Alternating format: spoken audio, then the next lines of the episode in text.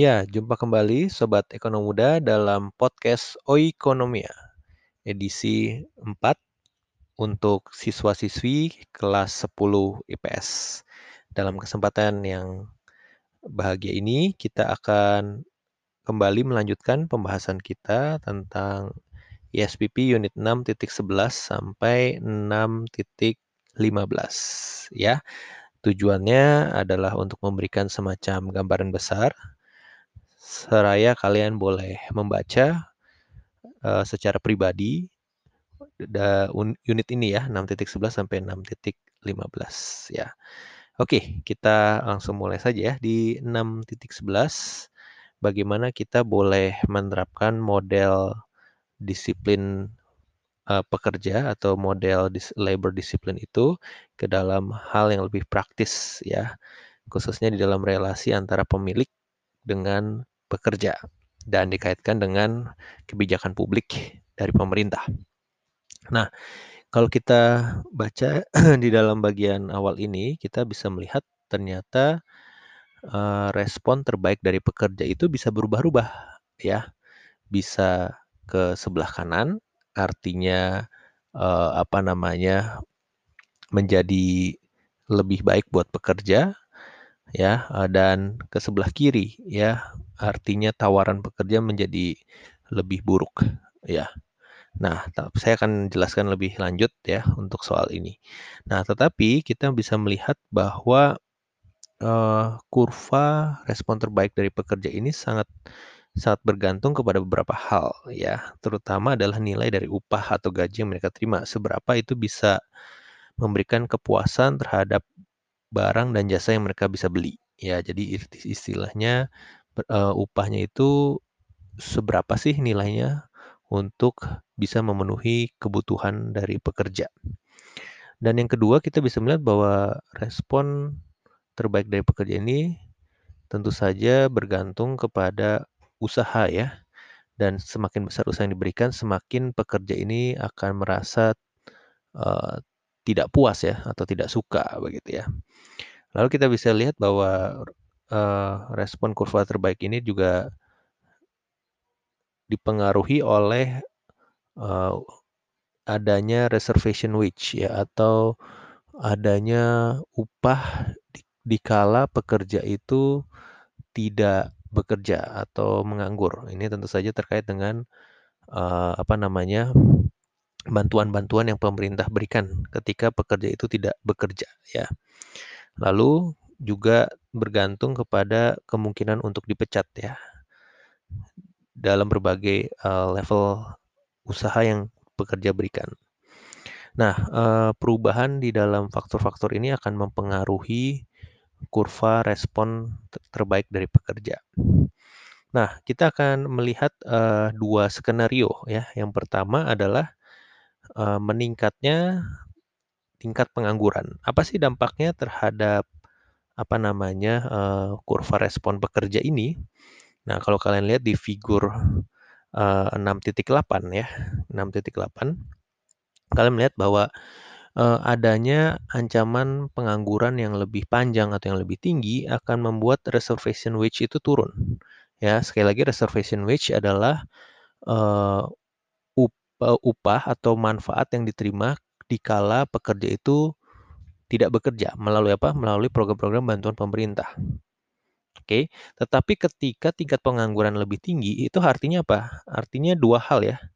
Di sini ya, berarti itu akan apa namanya? Eh, memperlama jangka waktu menganggur.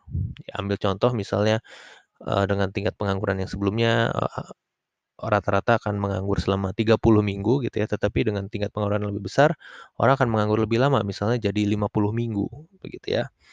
Lalu yang kedua, ini akan dampaknya bahwa uh, nilai apa namanya res, uh, apa namanya uh, employment rate ya dari pekerja itu akan meningkat. Artinya upah yang diberikan oleh uh, perusahaan itu nilainya dirasa akan lebih tinggi. Kenapa?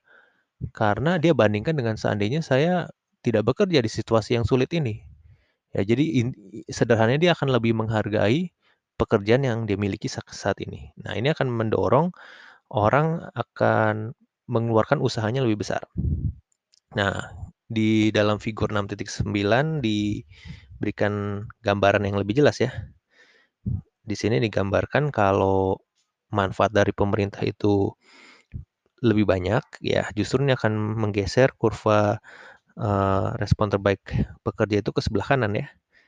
Tetapi kalau adanya tingkat pengangguran yang lebih tinggi akan meng mengubah uh, kur respon kurva terbaik pekerja itu ke sebelah kiri. Oke. Dan kita bisa melihat bahwa uh, apa artinya sih ke sebelah kiri atau sebelah kanan? Kalau sebelah kanan itu berarti uh, pekerja itu akan semakin mempunyai tawar-menawar yang tinggi ya. Artinya di sini dengan upah yang relatif sama, eh, di sini dikatakan ada 36 dolar per jam. Dia hanya mau mengeluarkan usaha 0,6 ya di sini, effort per hour ya. Dibandingkan dengan situasi yang normal ya, status quo ini yang kita sudah pelajari sebelumnya, 0,75. Tetapi dengan adanya tingkat pengangguran lebih tinggi, ini kasus yang kita bahas, dia akan bergeser ke kiri ya. Dia akan menghargai pekerjaan itu seberapa upah yang dimiliki karena lebih baik daripada tidak bekerja gitu ya. Di dalam ini biasa dalam situasi resesi ya seperti sekarang itu ya kalau orang masih bekerja dia akan bekerja sebaik mungkin, dia akan menghargai pekerjaannya. Ya, lihat kalau kita lihat dengan upah yang sama, pekerja itu akan berusaha 0,85. Nah, jadi kita bisa simpulkan bahwa eh, situasi ekonomi itu melalui kebijakan publik itu akan mempengaruhi respon terbaik dari pekerja. Ya. Nah, uh, sedikit lagi di dalam bagian ini kita melihat bahwa economic policy atau kebijakan uh, ekonomi yang dibuat oleh pemerintah itu sangat berdampak ya terhadap mental ya, mental dari uh, pekerja itu sendiri. Begitu ya. Uh, memang kalau sebagai pekerja ya menginginkan kebijakan publik, kebijakan pemerintah yang pro pekerja, pro buruh. Ya, itu sebabnya kalau sekarang ya kita lihat dari adanya tolakan ya, penolakan terhadap Omnibus Law ya, Undang-Undang Cipta Kerja. Kenapa? Karena dirasa merugikan buruh, dirasa merugikan pekerja. Memang sih ada klausa-klausa yang membuat uh, owner ya atau pemilik itu lebih leluasa, tetapi daya saing lebih tinggi sebenarnya. Tapi pekerja tidak suka karena melemahkan posisi mereka ya misalnya diperkenalkan sekarang pekerja boleh mengenakan upah per jam begitu ya uh, nah ini dirasa kurang kurang kurang enak ya buat pekerja itu sebabnya kalau dari sudut pandang pekerja mereka itu lebih senang kepada kebijakan-kebijakan yang pro mereka ya misalnya uh, apa namanya, kartu prakerja Pak Jokowi itu senang sekali ya, karena mereka dapat semacam bantuan, bisa belajar, bisa dapat tunjangan dikala mereka menganggur, ya. Atau bantuan langsung tunai ya, dan lain sebagainya ya. Malah di negara beberapa negara maju mereka dapat semacam santunan untuk mereka bisa membeli kebutuhan sehari-hari meskipun mereka tidak bekerja dalam jangka waktu tertentu. Nah, semakin besar itu ya, semakin pekerja suka ya. Tetapi ini sebenarnya punya efek yang uh, negatif ya. Artinya apa? Ini semakin melemahkan mental untuk bekerja memberikan yang terbaik ya dengan etos kerja yang tinggi. Sekali lagi karena ini mindsetnya stick and carrot ya memang ya. Seperti itu. Nah, tetapi sebaliknya ya ketika sebenarnya terjadi apa ya, terjadi eh, krisis ya ekonomi atau terjadi pelambatan ekonomi, terjadi tingkat pengangguran yang lebih tinggi. Uh, sebenarnya situasi menguntungkan pemberi kerja atau pemilik. Kenapa? Karena mereka itu mendapatkan situasi di mana sebenarnya mereka itu punya kuasa untuk memecat ya karena situasi tidak baik. Tetapi satu sisi mereka akan mendapatkan pekerjanya yang lebih lebih mau bekerja karena mereka akan lebih menghargai, wah saya masih bisa kerja nih. Saya akan memberikan pekerjaan dengan etos kerja yang tinggi. Nah, itu sebabnya kebanyakan perusahaan itu mungkin tidak mau menurunkan gaji di dalam situasi krisis ya karena itu juga akan melemahkan moral pekerjanya. Mungkin dia akan lay off sedikit demi sedikit yang tidak produktif, tetapi justru dia akan mendapatkan manfaat lebih besar karena pekerjanya itu akan bekerja dengan ekstra dibandingkan dengan situasi yang enggak krisis gitu ya. Oke, jadi kesimpulan dari bagian ini adalah eh, pemerintah, kebijakan pemerintah harus benar-benar hati-hati ya. Kebijakan yang terlalu populis ya, memperhatikan tenaga kerja ya dengan memberikan benefit-benefit itu justru jangan-jangan memanjakan, meninabobokan sehingga pekerja itu justru akan malas bekerja ya. Ini fakta ya. Memang kita hidup dalam dunia yang sudah jatuh ya. Sekali lagi ini dalam mindset stick and carrot ya, tapi faktanya di dalam uh, perusahaan ya, kita sekarang sedang belajar tentang perusahaan ya, dinamika di dalamnya antara owner dan pekerja ya memang itulah yang terjadi. Oke, dan kita akan lanjutkan ya uh, pada bagian berikutnya di 11 eh sorry di 6.12 ya.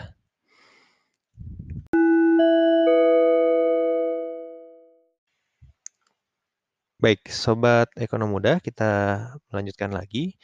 Di dalam 6.12 ini ya, eh, sebenarnya ini semacam merangkum ya.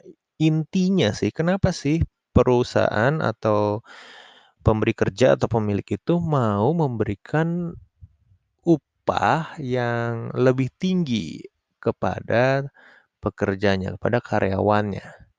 Ya, apakah itu uh, bukankah satu pemborosan begitu ya? Contohnya ya kalau misalnya kita bisa bayar listrik, dikatakan di sini kita bisa bayar listrik per kilowatt misalnya 10.000, tapi kita bayar 15.000 itu kan boros ya. Ya ini apakah analogi ini bisa kita sama dengan misalnya bayar gaji ya? Seandainya dengan dengan kualitas kerja seperti X gitu ya, kita bayar mestinya cukup 50.000 per jam, tapi kita kasih misalnya 80.000. Ya, apakah ini satu pemborosan sebenarnya gitu ya.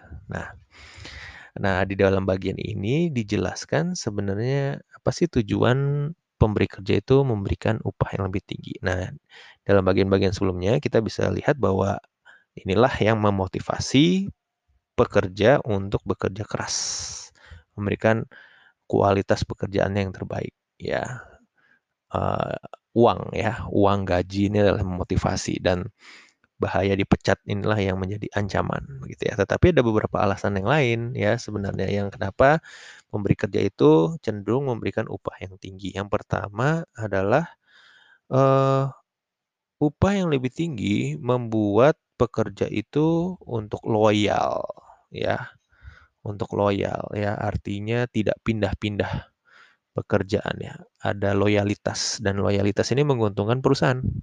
Karena perusahaan itu tidak harus melakukan rekrut terus-menerus dan ini costly ya. Sebenarnya mengeluarkan biaya, merekrut orang harus iklan, harus kasih tes ya dan prosesnya itu memakan waktu dan memakan biaya. Jadi kalau misalnya eh, pekerjanya itu loyal, lebih stabil perusahaan dan lebih hemat hemat ya intinya seperti itu.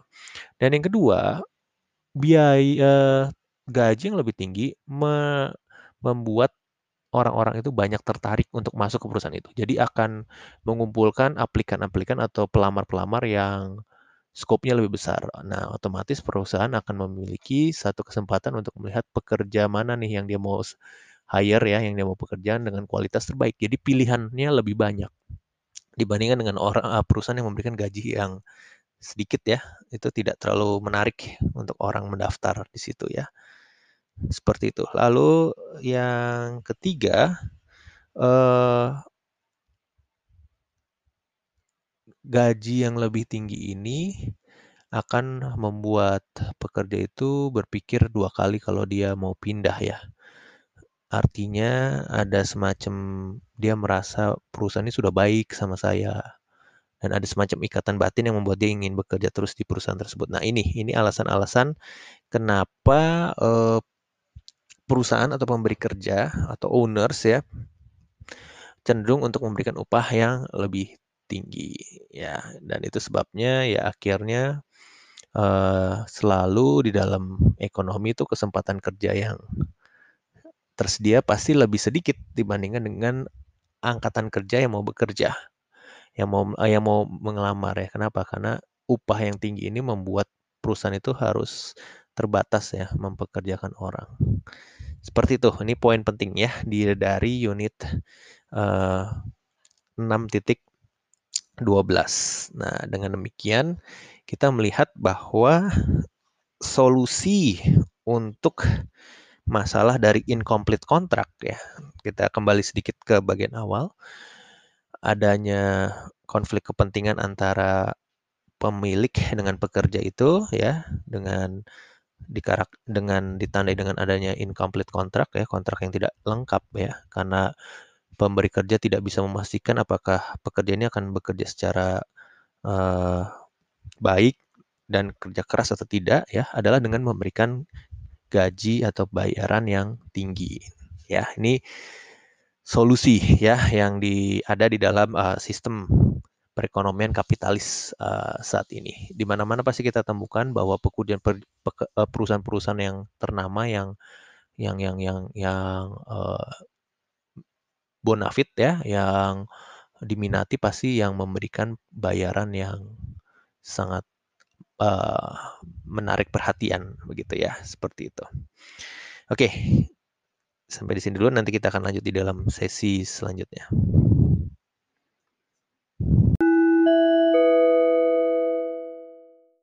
Oke, oke, sobat ekonom muda, kita lanjut kembali. Nah, untuk bagian 6.13 dan 6.14 saya akan gabung ya, karena ini merupakan tambahan saja sebenarnya. Jadi uh, solusinya selain memberikan gaji yang tinggi ya untuk menyelesaikan masalah uh, incomplete contract tadi ya, perbedaan kepentingan antara pemberi kerja dengan pekerja itu apa? Ya, selain gaji yang tinggi. Ya, sebenarnya ada dua lagi, ya, ada dua lagi. Ya, yang uh, kedua, ya yang pertama kan tadi itu ya, gaji yang tinggi ya. Yang kedua adalah uh, perusahaan yang bentuknya adalah koperasi. Nah, apa sih koperasi ini sebenarnya? Esensi koperasi sebenarnya perusahaan yang dimiliki oleh pekerjanya, ya, uh, worker own cooperative. Ya, Nah, coba ya, saya coba sebentar jelaskan di sini. Kalau di dalam perusahaan kapitalis, ya perusahaan perseroan atau PT, itu kan pemiliknya dimiliki oleh pemegang saham. Ya memang bisa terbuka, artinya diberikan kepada masyarakat, tetapi sifatnya limited, terbatas. Ya hanya yang memegang saham ini yang memiliki perusahaan.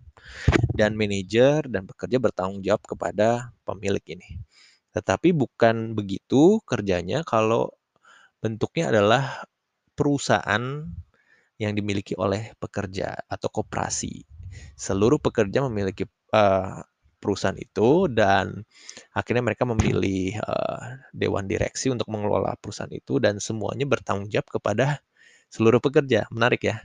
Nah, jadi ini ini uh, suatu bentuk perusahaan yang mementingkan kebersamaan ya dan kekeluargaan di mana tujuan perusahaan itu adalah untuk kepentingan dari pekerjanya. Nah, menarik biasanya di dalam perusahaan kooperasi seperti ini, gaji antara karyawan itu tidak terlalu beda jauh. Beda sama perusahaan kapitalis.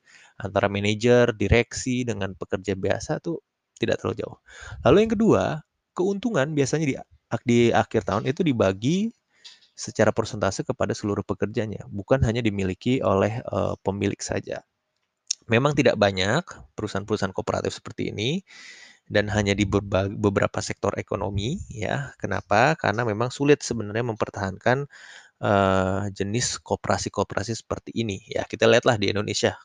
Contohnya ya, memang ada kooperasi-kooperasi yang maju ya, khususnya di daerah-daerah, tetapi umumnya banyak juga yang tidak maju. Karena apa? Ya terkendala dana. Bank itu sulit untuk meminjamkan kepada kooperasi karena ya biasalah bank kembali menilai uh, kolateralnya ya jaminannya tuh nggak cukup. Biasanya mereka melihat dia kembali ke orang yang punya uang ya untuk meminjamkan. Nah ini satu isu tersendiri nanti kita masih bahasnya di unit-unit yang mendatang. Tetapi kita melihat bahwa uh, perusahaan ini tidak terlalu banyak ya tantangannya cukup besar. Nah saya kembali ke dalam poin yang pertama kenapa uh, bisa menyelesaikan konflik uh, in, uh, konflik kepentingan antara pemberi kerja dan pekerja? Ya sederhana saja, karena owner-nya, pemiliknya adalah pekerja itu sendiri. Jadi sangat, eee, apa namanya, eee, efisien di dalam mengendalikan perusahaan karena begitu ada satu anggota tidak bekerja, karena itu langsung akan berdampak kepada semua, orang itu akan didesak, ya sudah kamu mundur saja, ya kamu sudah tidak menguntungkan untuk kita semua di sini, gitu ya. Jadi, eee, pengawasannya itu akan menjadi lebih ringkas ya, lebih sederhana dan tidak terlalu memakan perhatian yang banyak ya, karena semua bekerja untuk kepentingan bersama, ya. Nah, ini ada beberapa contoh ya, kalian bisa lihat di dalam, eee, buku teks kalian. Di Amerika misalnya ada beberapa perusahaan yang maju ya, yang apa namanya, yang mengandalkan perusahaan ini, misalnya, eee, apa namanya, oh di Inggris ya, bukan Amerika, eee, British Retailer John Lewis Partnership ya. Kalau di, eee, Indonesia mungkin konteksnya adalah koperasi-koperasi, eee, apa namanya, eee, pengrajin ya, sama-sama pengrajin kayu ya, atau penghasil susu ya, sama-sama ya punya peternakan gitu ya, tetapi tidak terlalu banyak. Nah, eee, jadi kalau misalnya kita bisa membuat perusahaan yang anggotanya adalah seluruh apa, yang pemiliknya adalah seluruh anggota ini baik ya. Artinya pengawasannya tidak perlu memakai uang ya, tidak perlu diiming-imingi dengan uang karena kebersamaan itulah yang, eee, membuat, eee, akhirnya konflik itu terselesaikan. Nah, di dalam 6.13, eee, kita juga melihat salah satu bentuk, eee, apa ya, eee, perusahaan ya, yang juga menjadi solusi terhadap konflik of interest yaitu gig economy atau, eee, jenis sektor ekonomi yang berdasarkan unjuk kerja ya. Nah, ini sepertinya gampangnya gini lah, eee, misalnya Gojek. Eee driver ojol itu ya, ojek online itu baru dibayar kalau dia sudah mengantarkan penumpang. Nah, jelas, misal tujuannya dari dari apa namanya, rumahmu ke RMCI, jelas. Misalnya berapa, 25.000 atau 35.000 itu jelas. Begitu sampai langsung dibayar.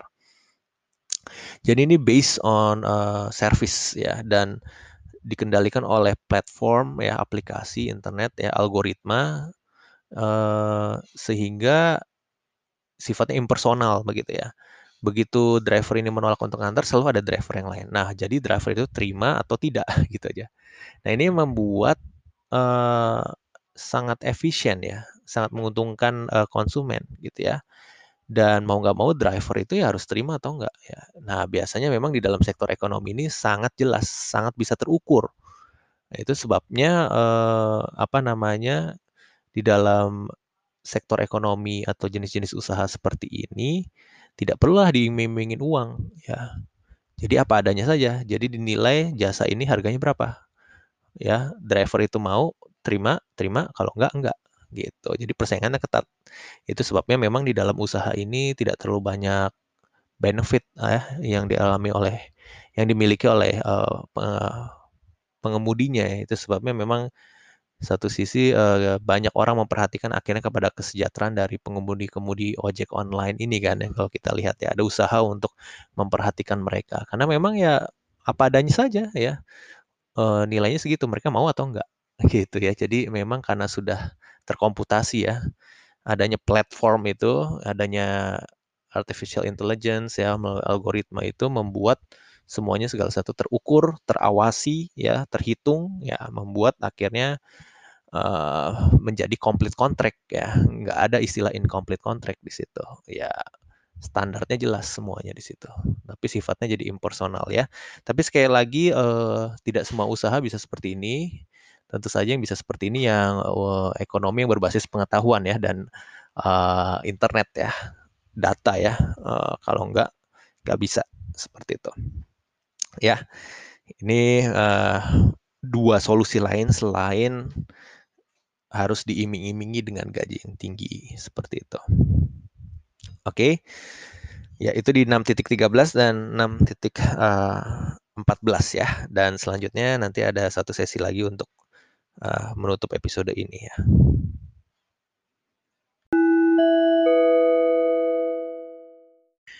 Oke. Ya, sobat ekonom muda, kita kembali lagi. Nah, eee, di dalam 6.15 ini sebagai penutup ya, penutup dari unit 6 ini ya. Sekali lagi unit 6 ini bicara tentang perusahaan, di mana dalam perusahaan ini kita melihat ya, interaksi aktor-aktor di dalamnya antara pemberi kerja, manajer, dan pekerja ya. Dan di dalam unit ke-6.15 ini seperti diingatkan kembali ya, sebenarnya ada masalah utama apa sih di dalam relasi dalam perusahaan ini. Intinya adalah principal agent relationship atau hubungan principal agen. Nah, hubungan principal agen ini ditandai dengan kontrak yang tidak sempurna tadi ya. Karakteristiknya adalah kontrak yang tidak sempurna. Uh, di mana pemberi kerja itu yang mendapatkan keuntungan ya dari kerjanya si pekerja itu tidak bisa memastikan apakah pekerjanya itu akan bekerja secara maksimal, berkualitas, sebaik mungkin. Itu tidak bisa. Ya. Kualitas dan banyaknya pekerjaan itu tidak bisa dipastikan. Ya. Meskipun sudah ada kontraknya, itu sebabnya incomplete contract. Nah, kenapa? Karena ya memang adanya yang disebut uh, konsep satu lagi yang penting di sini adalah uh, hidden action problem. Ada masalah uh, tindakan yang tersembunyi. Artinya memang tindakan dari pekerja itu emang tersembunyi. Kita tidak bisa memastikan mereka tuh bekerja sesuai dengan keinginan pemberi kerja, gitu misalnya. Di mana-mana kita dapetin ini, ya kita mendapatkan hal ini ya. Nanti kalau kalian punya usaha, nanti mau meng-hire pekerja pasti masalah ini. Sedikit pengalaman saya ya waktu saya menerima misalnya guru-guru baru itu saya itu yang menjadi kekhawatiran saya. Bagaimana saya memastikan guru baru yang masuk ini akan memberikan pelayanan uh, usaha mengajar yang optimal. Nah, itu juga sih. Jadi ya. Oke. Jadi di bagian ini membahas ya kenapa kontrak itu pada akhirnya bersifat tidak lengkap ya, tidak lengkap. Selalu ada tindakan yang tersembunyi yang menjadi masalah gitu ya. Pertama begini, memang informasi itu tidak bisa diverifikasi ya. Uh, kon, apa namanya kontrak itu tidak bisa mencakup semua hal yang dilakukan oleh uh, pihak apa namanya uh, pihak kedua dalam hal ini pekerja begitu ya. Dan uh, apa namanya uh, sulit ya untuk memverifikasi kualitas ukuran kualitas dari pemberi kerja ini gitu ya. Itu tidak bisa tidak bisa di, dituangkan di dalam kontrak ya. Uh, apalagi pekerjaan yang jenisnya teamwork begitu ya. Nggak uh, bisa nggak bisa. Beda sama gig ekonomi tadi ya atau ekonomi pertunjukan tadi ya di mana kalau nganterin dari satu titik ke titik A tuh langsung jelas karena semuanya terdokumentasi di dalam komputer begitu ya. Itu bisa tetapi kalau bekerja uh, secara umum itu tidak bisa.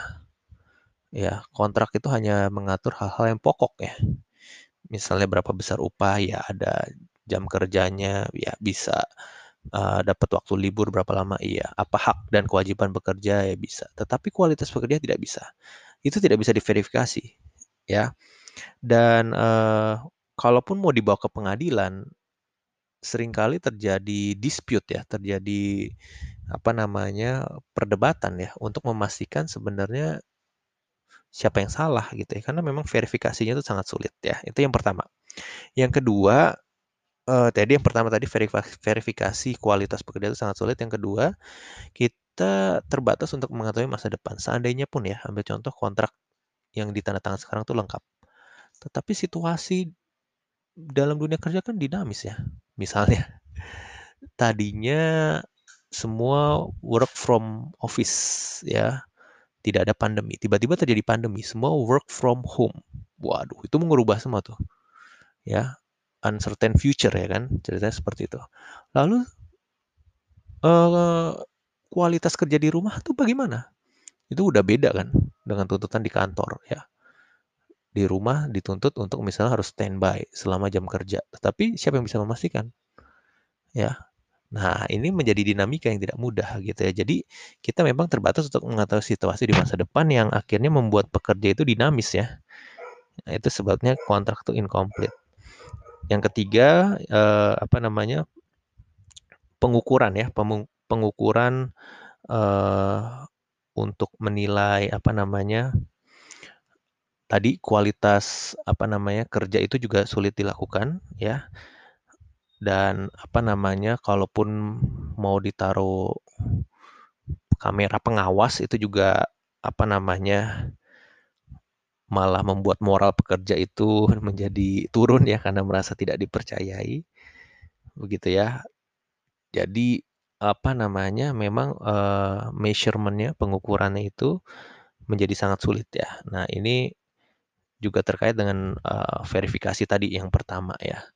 Uh, kalau verifikasi lebih kepada apa memastikan kalau misalnya ada masalah siapa yang salah gitu ya. Yang kalau pengukuran ini maksudnya jadi kurang jelas ya mengukur uh, kualitas kerja dari dari dari pekerja ya. Misalnya di sini dikasih contoh bagaimana kita mengukur kualitas uh, pelayan yang melayani customer mereka. Ukurannya puas tidak puas itu seperti apa begitu ya. Itu sangat ambigu ya.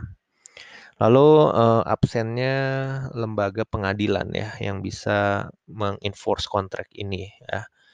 Jadi uh, biaya pengadilannya juga sangat tinggi lah intinya seperti itu. Lalu memang akhirnya perusahaan lebih cenderung memilih incomplete kontrak ya. Sekali lagi kalau misal harus memasang kamera pengawas ya di seluruh sudut kantor itu biayanya sangat tinggi dan itu juga tidak baik kepada moral pekerja ya. Seperti itu. Jadi eh, kita melihat bahwa ada masalah principal agent relationship ya. Agentnya siapa? Ya agentnya adalah pekerja ya yang harusnya bekerja keras tetapi selalu ada tindakan yang tersembunyi dari pekerja. Prinsipalnya siapa? Yaitu pemberi pekerja. Dan konflik interestnya apa? Ya tadi ya pekerja menginginkan uh, satu situasi yang lebih nyaman, santai, sedangkan pemberi kerja menginginkan etos kerja yang tinggi. Ya, dan hidden actionnya apa? Ya di sini prinsipal terbatas untuk mengetahui uh, sebenarnya motivasi terdalam dari pekerja itu apa? Dan adanya incomplete contract tadi ya, seperti itu. Oke, nah sebenarnya banyak sih contoh principal agent relationship, cuma bagian ini yang relevan adalah antara pemberi kerja dan uh, pekerjanya ya. Oke, sobat ekonom muda, jadi sampai di sini untuk podcast edisi 4. Nah, uh, kalian bisa mendengar podcast ini sebelum membaca ya, jadi seperti memberikan guidelines atau sambil membaca juga membantu kalian juga boleh ataupun kalau sudah membaca untuk membandingkan lagi. Apakah pengertian kalian itu sudah cukup benar ya, sudah cukup benar. Nah, setelah ini langkah selanjutnya silahkan kalian membuat book talk ya, kurang dari lima menit. Kalian bisa utarakan apa yang kalian dapatkan dari ESPP 6.11 sampai 6.15 ini ya. Dan nanti di kelas kita akan masuk ke dalam studi kasus studi kasus untuk kita bahas bersama-sama. Jadi harapan saya kalau kalian sudah baca, waktu kita studi kasus interaksinya akan lebih kaya dan kalian akan lebih diajak untuk bisa berpikir lebih kritis ya. Ya, terima kasih untuk perhatian kalian. Nanti kita jumpa dalam episode selanjutnya. Sampai jumpa.